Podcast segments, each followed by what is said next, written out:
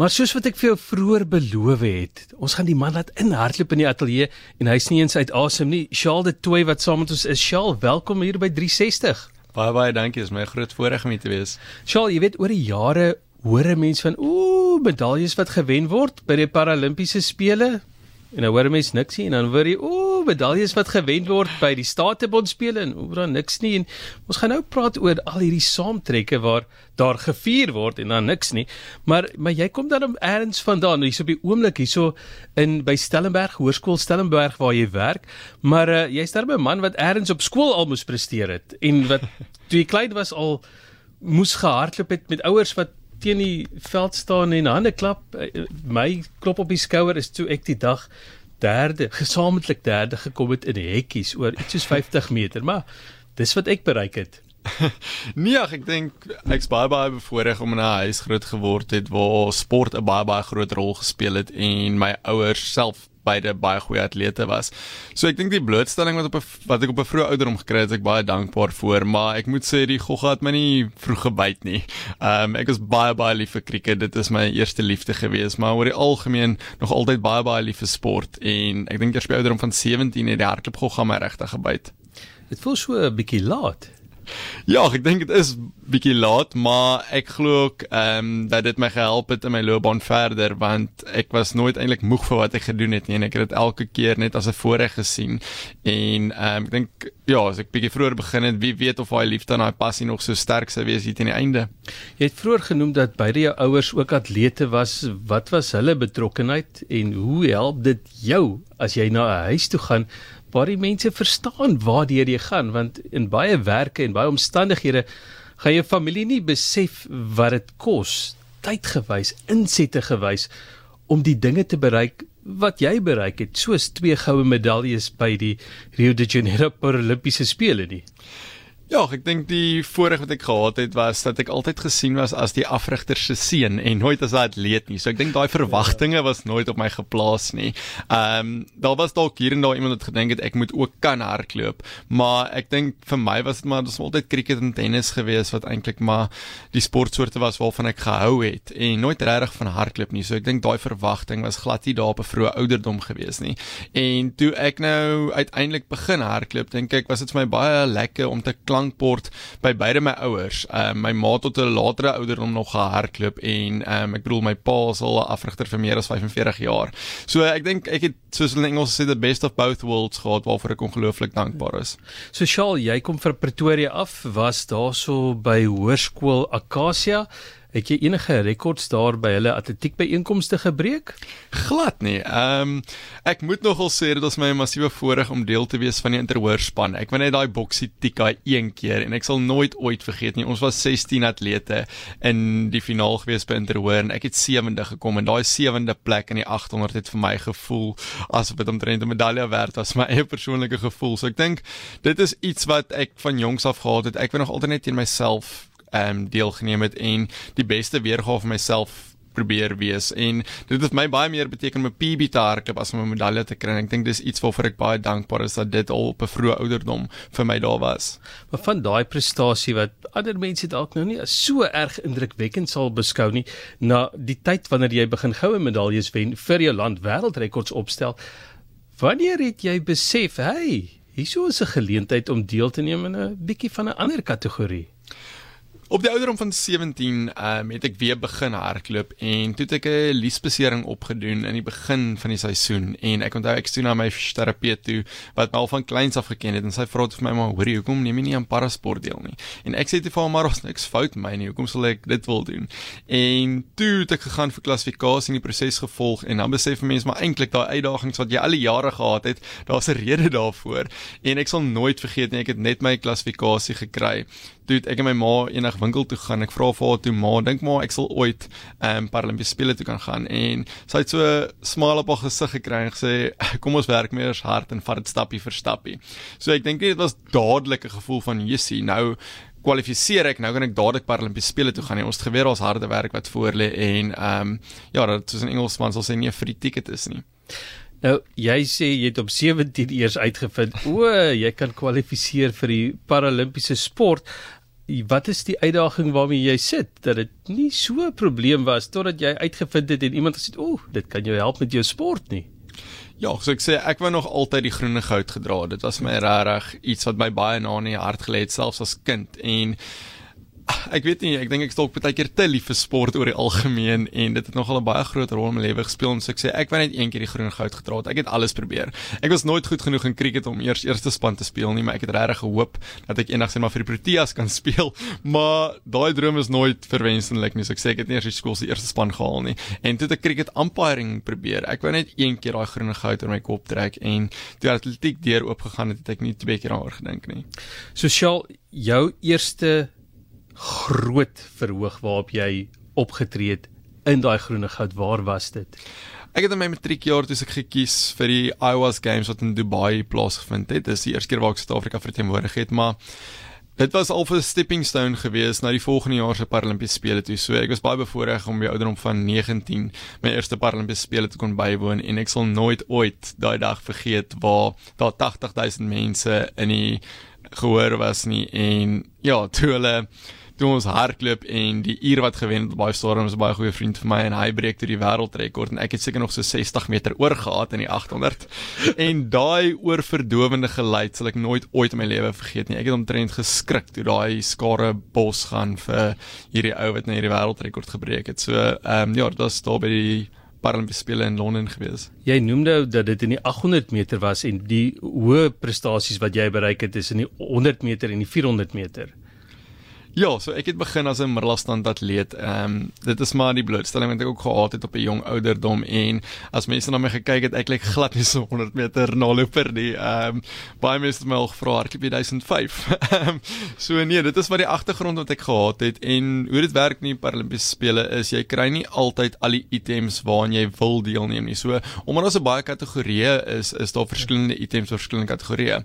En in 2012 was ons bevoorreg genoeg om die 800 in ons kategorie te hê en toe in 2016 Ehm um, net daardie Paralimpiese spele in 2012 skies toe sê hulle vir ons hoorie maar daar gaan nie meer 800 wees nie maar toe kry ons 'n 400. Toe moet ek ewe skielik die die skuif maak na 400 toe en ek's baie baie dankbaar daarvoor en toe het ons ook nie 'n 200 nie. So toe kry ons net 'n 100 en 'n 400 in ons kategorie vir die Paralimpiese spele in 2016 en toe moet ons maar die skuif maak.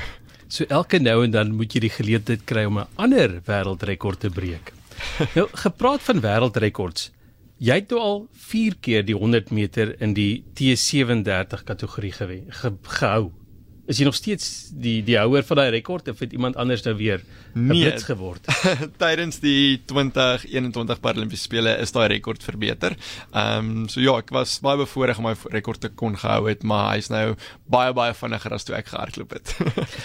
as ons kyk na uh, gee gou vir 'n idee van, jy weet, hoeveel medaljes was daar nou al op hierdie vlak want ek weet jy het uitgetree. Mens kan nou nie sê afgetree nie, maar uitgetree met 'n silwer medalje verlede jaar.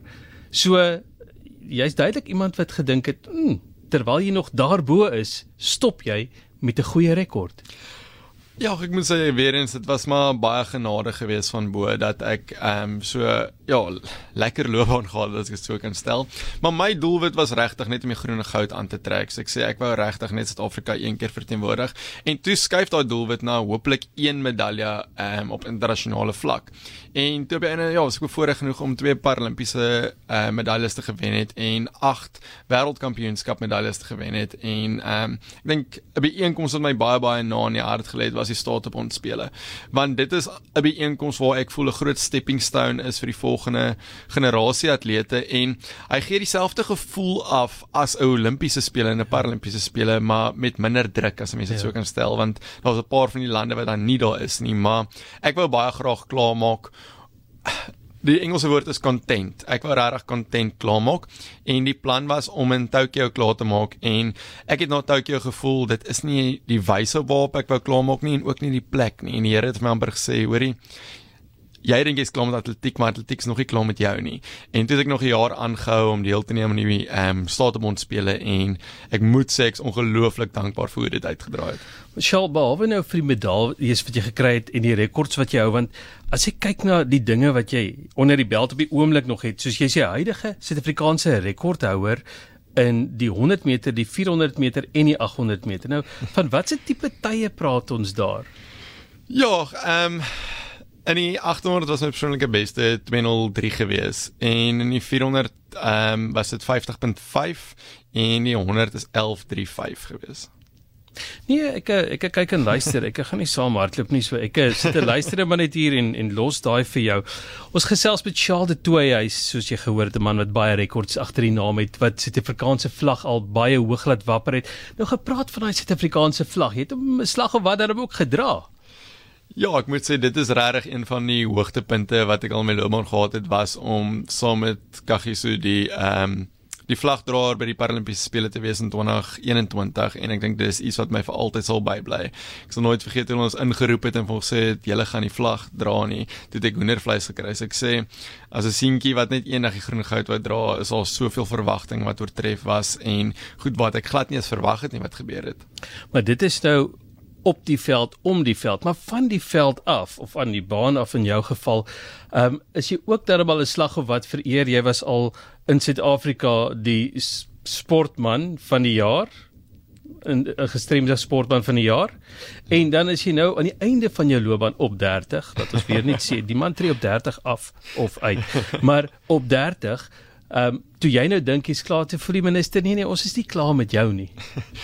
Ja ehm um so ek sê al hierdie dinge wat gebeur is, soos hulle in Engels sê add-ons op mense loopbaan, maar ek dink wat dit so lekker gemaak het was dat ek dit glad nie verwag het nie en dit was so ja, lekker 'n uh, eh, manier om uit te tree. Ek dink die Statebond spele was vir my amper genoeg geweest en toe hierdie nou kom, dis is nog 'n groter bonus en ek dink dit wys net vir 'n mens dat ja, daar's altyd nie sy lig aan die einde van die tonnel nie, maar daar is altyd meer waarna mens kan streef en op die einde van die dag is dit als net genade. Nog 'n verrassingkie. Shalda, dit is jou hardlooploopbaan wat jy nou hier tot 'n einde gebring het. Maar die oefening, die inspanning, dit wat jy moet insit om daar te kom, laat dit vir jou toe om eers nog te studeer om 'n werk te hê om of is dit letterlik 'n geval van hardloop van die werk na die hardloop toe? Dit was maar ja, uitdagend geweest, maar ek moet sê ek was baie bevoorreg dat die Universiteit van Stellenbosch ongelooflik mooi na my gekyk het en die ondersteuningsraamwerk wat ek gehad het, ons afrigter Susan Ferreira en ons oefengroep, um, die Run vir die oefengroep was regtig 'n familiesisteem geweest wat ongelooflik goed gewerk het en ek moet sê dit het dit nogal lekker en baie maklik gemaak om daarin te slaat. Maar dit was nogal uitdagend geweest om die studies te balanseer as ook ehm um, hier na 2016 om te begin werk, te studeer en te hardloop. Dit was regtig nogal baie uitdagend geweest. En ek dink dit was ook maar een van die redes hoekom ek besef het uittrede was nie te ver weg nie, want 'n mens kan nie al daai balle in die lug hou nie. En ek is 'n uh, alles of niks mens. Dis 100% of niks. En ek het op die einde van die dag begin voel dat ek nie meer 100% in alle aspekte kon gee nie en dit was vir my nogal ehm um, ja, swaar om te dra. So, Shaal, wat het jy studeer en toe dit nou werk word, watse rigting het jy toe gegaan? Ja, so ek het onderwys studeer ehm um, by Universiteit van Stellenbosch en my universiteit skoolbestuur gedoen. En ehm um, ja, toe dit nogal lekker uitgedraai dat ek op 'n stadium by CPUT ook klas gegee het wat vir my 'n groot voorreg was en ek het ook vir 'n NGO Living Legends gewerk um, vir 3 jaar. En heidaglik is ek by Hoërskool Stellenberg 'n onderwyser daarso en um, ek moet sê ek is ongelooflik dankbaar vir die voorreg wat hulle vir my gegee het om nog te kon hardloop in my laaste jaar van atletiek. So hulle het my regtig geakkommodeer dat ek nog my droom van die Statebond spele kon ehm um, verwenslik. So wat is jou rol by die skool? Wys jy vir die kinders hoe om te hardloop en dan hardloop jy sommer self en werk jou eie oefening daar tussendeur in of of wat is jou rol by die skool? Ek moet bieg dat ek ongelooflik lui geraak het wat hardloop betref. die laaste paar maande ek probeer maar soveel as moontlik golf speel. maar nee, ehm um, ek is ook bevoorreg om by Stellenberg by atletiek betrokke te wees en ek moet sê die bestuur en die organisering van die atletiek is vir my iets wat my baie baie na aan die hart lê. En ek is ongelooflik dankbaar vir die amazing span wat by daai skool is en Dit voel soos 'n lekker familie wat weer eens lekker saamwerk na 'n gemeenskaplike doel toe en op die einde van die dag is prestasie een ding, maar ons het die voorreg om elke dag met kinders te werk en hulle individuele journeys raak te sien en hooplik hulle te help om die beste weergawe van hulle self te wees en ek dink dit is wat vir my so ongelooflik lekker maak daar. Jy luister na 360 op RSG en in die ateljee kuier Charles de Toey. Dis Woensdag gewoonlik persoonsfokus wat ons doen, er, leer ken iemand bietjie van nader, bietjie dieper as net die opskrifte wat jy in die koerante sien. Shaal, ek wou nou vir jou gevra het. Ek het nou gehoor jy het lui geword, maar ek wou gevra het, is dit jou lyf wat jou nog gaan aanjaag om te loop oefen of is toe jy nou besluit jy's klaar, toe jy nou klaar, nou kan jy dit rustig vat? Want ek sou gedink het as jy vir jare en jare geoefen het, dis nie net vir aftree nie. Jou lyf gaan seker nog wil hê jy moet gaan stap by die hond ten minste of iets. Ja, ek moet nogal sê ek was vol planne voordat ek afgetree het van gaan hierdie 10 kg gaan hardloop en dalk daai halfmaraton gaan doen en al daai dinge, maar dit sal seker nog kom. So ek sê op die oomblik is dit maar die golf wat ek baie geniet en ehm um, ek glo ek sal hopelik volgende jaar ehm um, dalk 'n 10 kg hier en dalk 10 kg daar inwerk. Ehm um, ons kyk maar. Jy moet versigtig wees, nee, onthou. Jean de Villiers het ervaar toe hy nou sien daar's iemand wat ietsie steel uit 'n winkel uit en hy jaag. Dan moet jy hardloop en jy moet die persoon vang want anders gaan daai persoon vir die res van sy lewe onthou hy het vir 'n Springbok kaptein weggehardloop. So jy moet maar die lyf darm so soort van nog aan die gang hou vir vir daai geleenthede dat jy dan nou nie heeltemal jou naam krater maak as daai uitdagingkies in die lewe kom nie. Ja nee, maar ek moet nogal sê John Willers lyk like 'n baie goeie show wat hulle laas gesien het, maar ek sal maar soos wat ek heidaglik doen en ondersteun langs die kant hard moet skree vir iemand om te ondersteun as daar so iets gebeur. Ons het ook gepraat oor die, die skool, jy is nou by die skool, jy rig af. Hoe is daardie oordrag van kennis? Hoe ervaar jy dit? Want jy moes oor soveel jare soveel inligting ingesamel, 'n deel van jou lewe gemaak word om dit nou weer oor te gee. Hoe ervaar jy daai oorgee proses? Ek moet nogal sê dat ek baie goeie mentors gehad het toe ek nog gehardloop het en dit in Susan Ferreira en my pa ook. Ek dink die kennis wat daai twee saam het, dit was vir my as ek 'n student was by hulle en soveel as moontlik probeer inneem met wat hulle sê. En ehm um, ek kan definitief nie sê dat ek alles weet nie. Daar's nog baie wat ek nog moet leer. Ek's nog 'n baie jong afrigter.